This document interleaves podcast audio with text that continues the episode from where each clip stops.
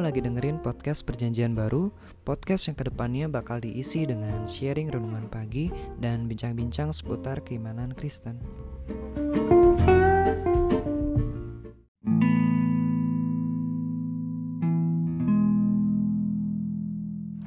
Bertekunlah, Hakim-Hakim 6 ayat 14.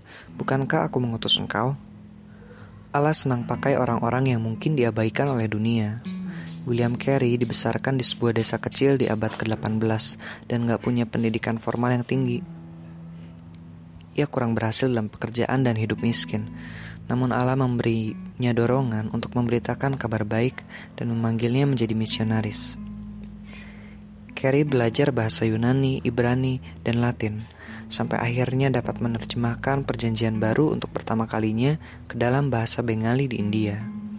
Sekarang Carey dikenal sebagai bapak gerakan misi modern. Tapi dalam surat yang ditulisnya untuk ponakannya, ia menilai kemampuan dirinya dengan begitu rendah hati. Yang bisa kulakukan adalah bekerja keras dan bertekun, katanya. Waktu Allah memanggil kita untuk mengerjakan suatu tugas, Dia juga memberi kita kekuatan untuk menyelesaikannya, terlepas dari apa pun keterbatasan kita. Dalam Hakim-Hakim 6 ayat 12, malaikat Tuhan menampakkan diri kepada Gideon dan berkata, Tuhan menyertai engkau, ia pahlawan yang gagah berani. Kemudian malaikat itu menyuruhnya untuk menyelamatkan orang Israel dari bangsa Midian yang merampok kota dan merampas hasil panen mereka. Namun Gideon yang belum pantas mendapatkan gelar Pahlawan yang gagah berani itu dengan rendah hati menjawab, Dengan apakah akan kuselamatkan orang Israel? Aku pun seorang yang paling muda di antara kaum keluargaku, di ayat 15. Namun Allah tetap pakai Gideon untuk membebaskan umatnya.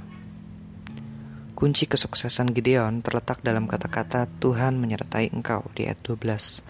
Saat dengan rendah hati kita berjalan bersama juru selamat kita dan mengandalkan kekuatannya, kita akan dimampukannya untuk mencapai tujuan yang hanya mungkin diperoleh melalui dia.